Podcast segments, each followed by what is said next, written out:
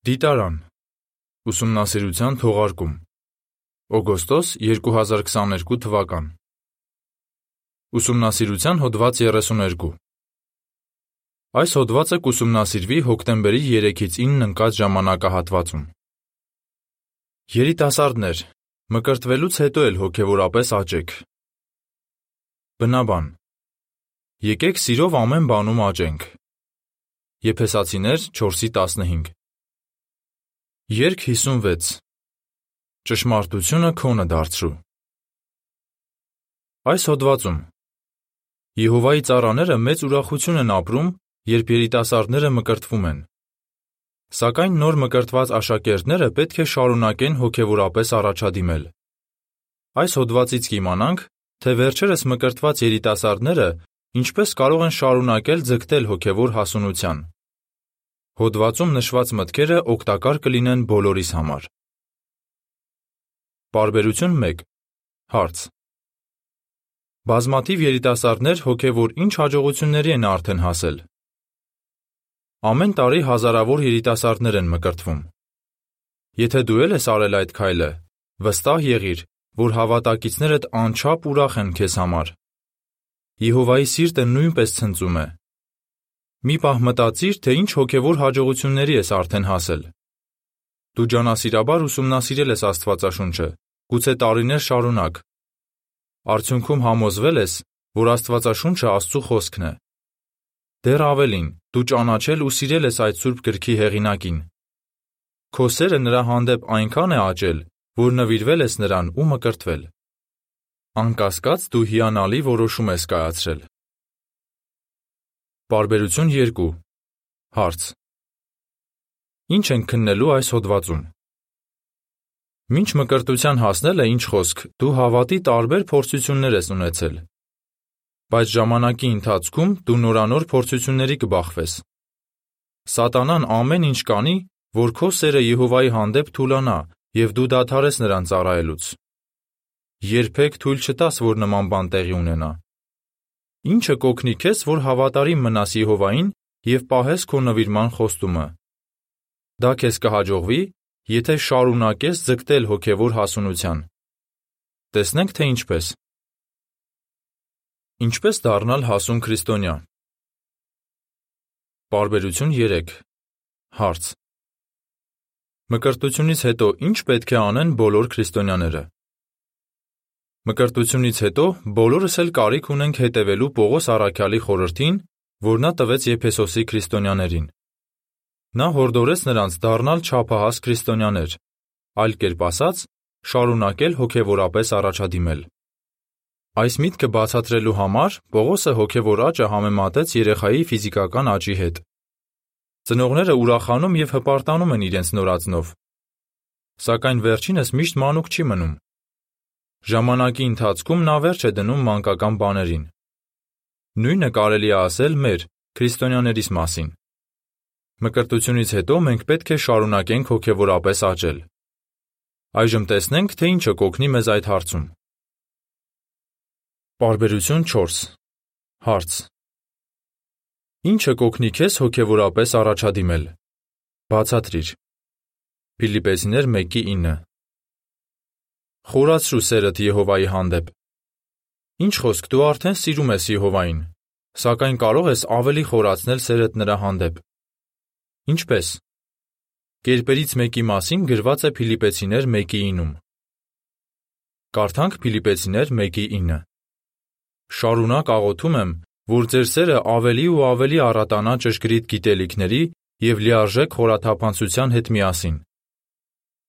Պողոս առաքյալը աղոթեց, որ Փիլիպեի քրիստոնյաների սերը Աստծո հանդեպ ավելի ու ավելի առատանա։ Մեր սերը նույնպես կարող է առատանալ, եթե ճշգրիտ գիտելիքներ եւ լիարժեք խորաթափանցություն ձեռք բերենք։ Որքան շատ ճանաչենք Եհովային, այնքան ավելի շատ կսիրենք նրան եւ կգնահատենք նրա հատկություններն ու գործելակերպը։ Նաեւ կավելանա նրան հաճեցնելու մեր ցանկությունը, եւ մենք երբեք չենք անի այնպիսի բան, ինչը կհիասթափեցնի նրան։ Մենք կձգտենք հասկանալ, թե որն է նրա կամքը և թե ինչպես կարող ենք վարվել դրա համաձայն։ Պարբերություն 5-6 Հարց. Ինչպե՞ս կարող ենք խորացնել մեր սերը Եհովայի հանդեպ։ Բացատրիր։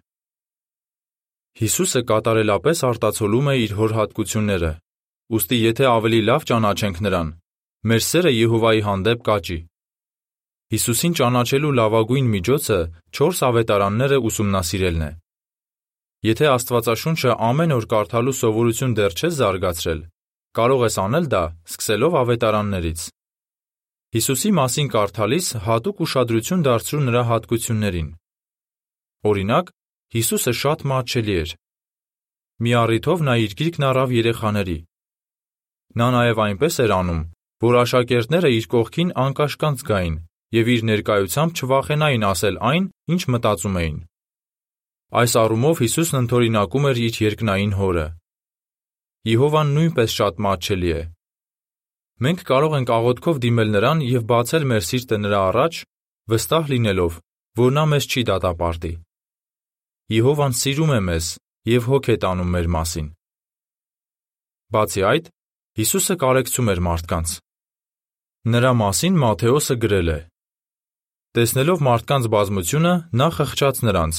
որովհետև կեղեքված էին եւ ցիրուցան եղած, ինչպես ոչխարներ, որ հովիվ չունեն։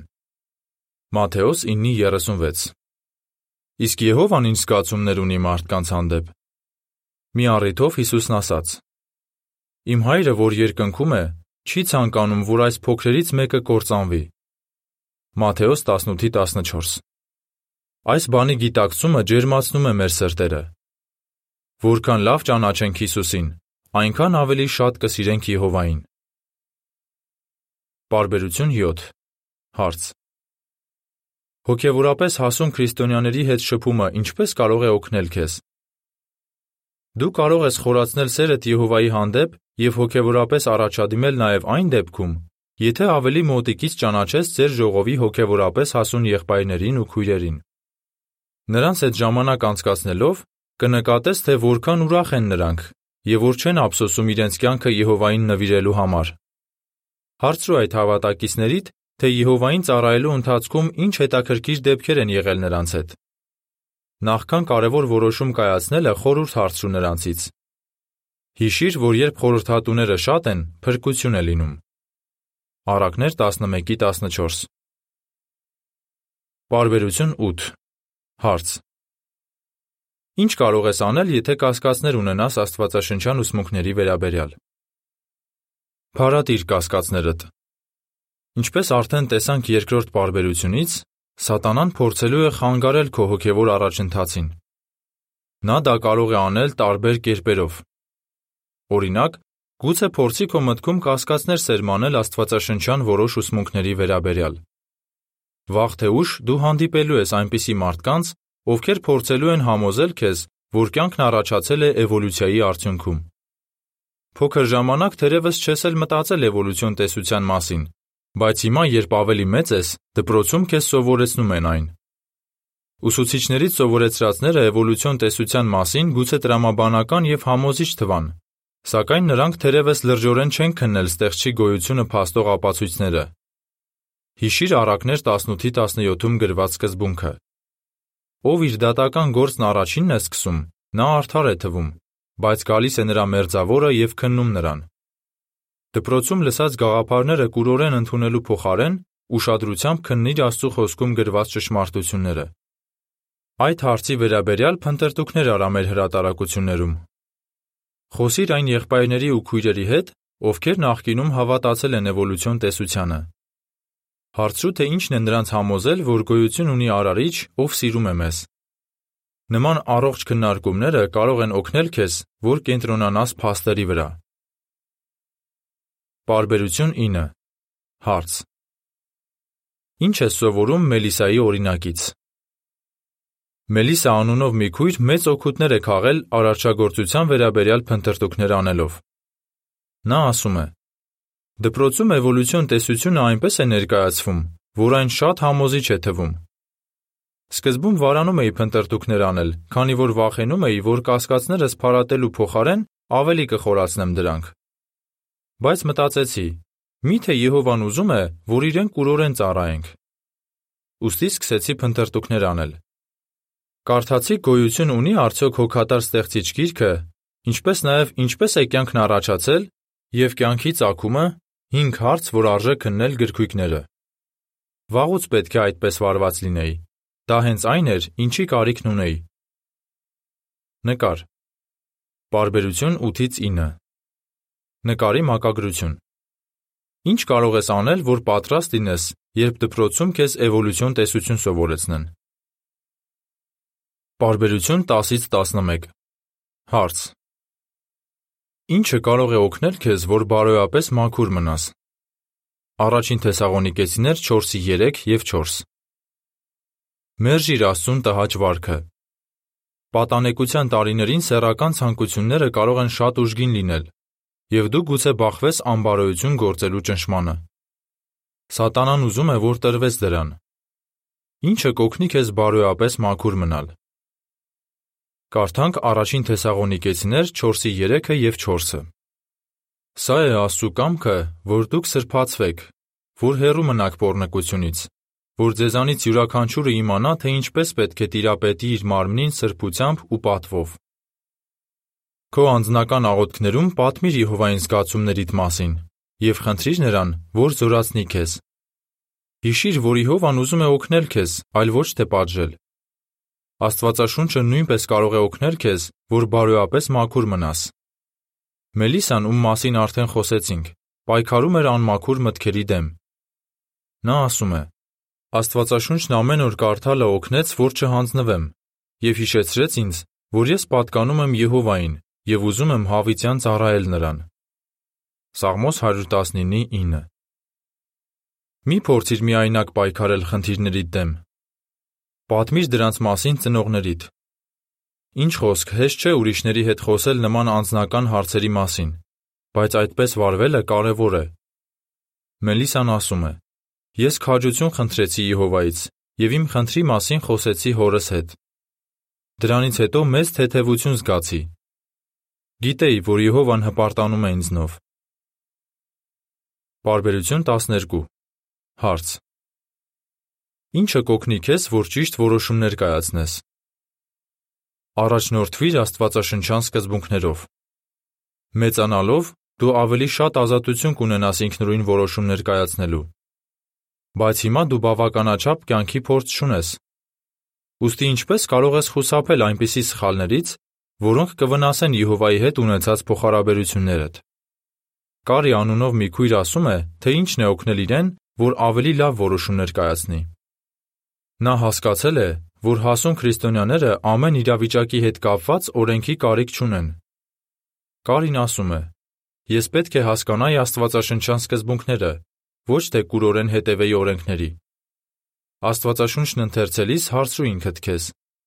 այս հատվածից ինչ եմ սովորում Եհովայի մտածելակերպի մասին։ Կան այնպիսի սկզբունքներ, որոնք կարող են օգնել ինձ ճիշտ վարվել։ Եթե այո, ապա ինչ օգուտներ կքաղեմ կիրառելով դրանք։ Երբ կարդաս Աստվածաշունչը եւ խորհրդածես այնտեղ գրված սկզբունքների շուրջ, քեզ համար ավելի հեշտ կլինի կայացնել այնպիսի որոշումներ, որոնք հաճելի կլինեն Եհովային։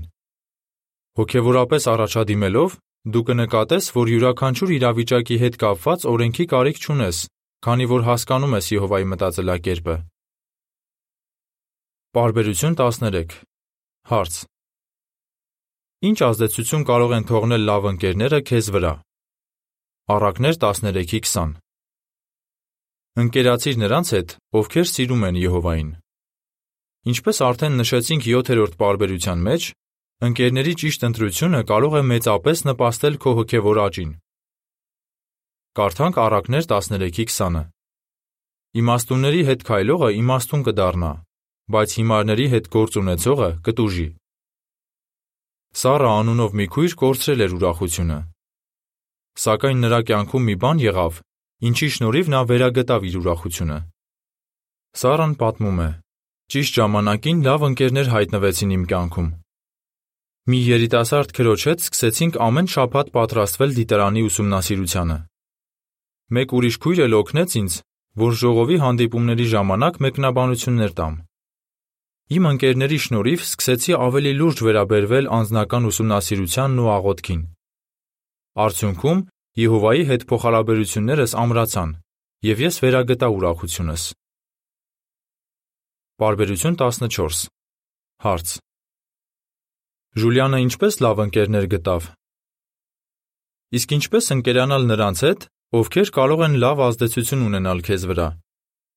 Ժուլիան անունով մի երեց ասում է. Երիտասարդ տարիքում լավ ընկերներ ձեռք բերեցի ծառայությանը մասնակցելով։ Երբ համագործակցեցի երանդուն քարոզիչների հետ, տեսա, որ ծառայությունը կարող է մեծ ուրախություն պատճառել։ Ոստի լիաժամ ծառայության նպատակ դրեցի։ Բացի այդ, Հասկացա, որ միայն հասակակիցներիս հետ ընկերություն անելով բաց եմ թողնում հետաքրքիր ու նոր ընկերներ գտնելու հնարավորությունը։ Ավելի ուշ լավ ընկերներ ձեռք բերեցի նաև Բեթելում։ Նրանց օրինակը օգնեց, որ զվարճության ճիշտ ձևեր ընտրեմ, ինչն էլ ինձ ավելի մտերմացրեց Եհովայի հետ։ Բարբերություն 15 Հարց. Պողոսը ինչ նախազգուշացում տվեց Տիմոթեոսին։ 2 Տիմոթեոս 2:20-ից 22 Իսկ ինչ կարող ես անել, եթե զգում ես, որ ժողովում ինչ-որ մեկը քեզ համար վատ ընկերակցություն է։ Պողոսը գիտեր, որ առաջին դարի քրիստոնեական ժողովում ոմանք հոգևոր մտածելակերպ չունեին։ Ոստի զգուշացրեց Տիմոթեոսին, որ հեռու մնա նրանցից։ Կարդանք 2 Տիմոթեոս 2:20-ից 22-ը։ Մեծ տան մեջ ոչ միայն ոսկե եւ արծաթե անոթներ կան, այլև փայտե ու կավե, կան, որ պատվավոր օգտագործման համար են, եւ կան ոչ պատվավոր օգտագործման համար։ Հետևաբար, եթե մեկը իրեն հերու պահի վերջիններից, նա կլինի մի անոթ պատվավոր օգտագործման համար, սրբացված, իր տիրոջը օգտակար, ամեն բարի գործի համար պատրաստված։ Ոստի փախիր երիտասարդական ցանկություններից։ Փոխարենը հետամուտ եղիր արդարության, հավատի, սիրո եւ խաղաղության նրանց հետ, ովքեր մաքուր սրտով են կանչում Տիրոջը։ Մենք շատ բարձր ենք գնահատում Եհովայի հետ մեր ընկերությունը։ Մենք մեծ ջանքեր ենք թափել, որ เป զի մտերմանանք նրա հետ։ Ոստի չպետք է թույլ տանք, որ ինչ որ մեկը վտանգի այդ թանկ փոխհարաբերությունները։ Ինչպես կարող են հոգևոր նպատակները օգնել քեզ առաջադիմել։ Բարբերություն 16 Հարց. Ինչ նպատակներ կարող ես դնել, Իմաստալից նպատակներ դիր։ Այնպիսի նպատակներ դիր, որոնք կամրացնեն հավատդ եւ կօգնեն, որ աճես հոգեվորապես։ Օրինակ, գուցե որոշես ավելի հետևողական լինել Աստվածաշունչը կանոնավորաբար կարդալու եւ անձնական ուսումնասիրություն անելու հարցում։ Հնարավոր է նաև նկատես, որ կարիք ունես բարելավելու աղոթքներիդ որակը եւ ավելի հաճախ աղոթելու։ Գուցե ինքնատիրապետման կարիք ունես վարչություններ ընտրելու եւ ժամանակը ճիշտ օգտագործելու հարցում։ Եհովան շատ կուրախանա, երբ տեսնի, թե որքան ջանք ես թափում հոգեվորապես առաջադիմելու համար։ Բարբերություն 17 Հարց. Ուրիշներին օգնելը ինչով է օգտակար։ Ուրիշներին օգնելը նույնպես նպաստում է քրիստոնյայի աճին։ Հիսուսն ասաց. Ավելի շատ երջանկություն կա տալու, քան ստանալու մեջ։ Գործեր 20:35 Դու մեծ ուրախություն կապրես, եթե քո ժամանակն ու երիտասարդական ավյունը օգտագործես ուրիշներին օգնելու համար։ Օրինակ, կարող ես նպատակ դնել, որ օգնես ձեր ժողովի տարեց եւ տկար հավատակիցներին։ Գուցե կարիք լինի, որ նրանց համար գնումներ անես կամ օգնես էլեկտրոնային սարքերից օգտվելու հարցում։ Եթե եղբայր ես, կարող ես ծառայող օգնական դառնալու նպատակ դնել, որ เป զի հավատակիցներիդ համար ավելի շատ բան անես։ Եղբայրներիդ ու քույրերիդ հանդեպ սեր դրսևորելուց բացի, դու կարող ես սեր ցուցաբերել նաև մյուս մարդկանց հանդեպ, նրանց քարոզելով թագավորության բարի լուրը։ Եթե հնարավոր է, նպատակ դիր մասնակցել լիաժամ ծառայության որևէ ձևի։ Նկար։ Բարբերություն 13 եւ 17։ Նկարի մակագրություն։ Ինչպիսի ընկերներ է ընտրել երիտասարդ քույրը եւ ինչ նպատակ է դրել։ Պարբերություն 18 Հարց. Լիաժամ ծառայությունն ինչպե՞ս կարող է օգնել քեզ, որ հոգևորապես առաջադիմես։ Լիաժամ ծառայությունը կարող է հոգևորապես առաջադիմելու շատ հնարավորություններ բացել քո առաջ։ Օրինակ, ռահվիրայությունը հնարավորություն կտա մասնակցել թակավորության քարոզիչների դպրոցին, ծառայել Բեթելում կամ մասնակցել աստվածապետական շինարարական նախագծերի։ Մի երիտասարդ ռահվիրաքույր, ում անունը Քեյթլին է, ասում է. Փորձառու եղբայրների ու քույրերի հետ ծառայելը մեծապես նպաստել է, որ մկրտությունից հետո հոգևորապես առաջադիմեմ։ Նրանց օրինակը մղել է ինձ խորացնել աստվածաշնչյան գիտելիքներս եւ բարելավել ուսուցանելու հմտություններս։ Բարբերություն 19 Հարց. Հոգևորապես առաջադիմելով ինչ օրհնություններ կստանաս։ Հոգևորապես առաջադիմելով դու շատ օրհնություններ կստանաս։ Չես վատնի քո երիտասարդությունը փուչ նպատակների ձգտելով։ Կխուսափես սխալ որոշումներ կայացնելուց եւ դրանց բերած դառը հետևանքներից։ Իսկական հաջողություն եւ երջանկություն կունենաս։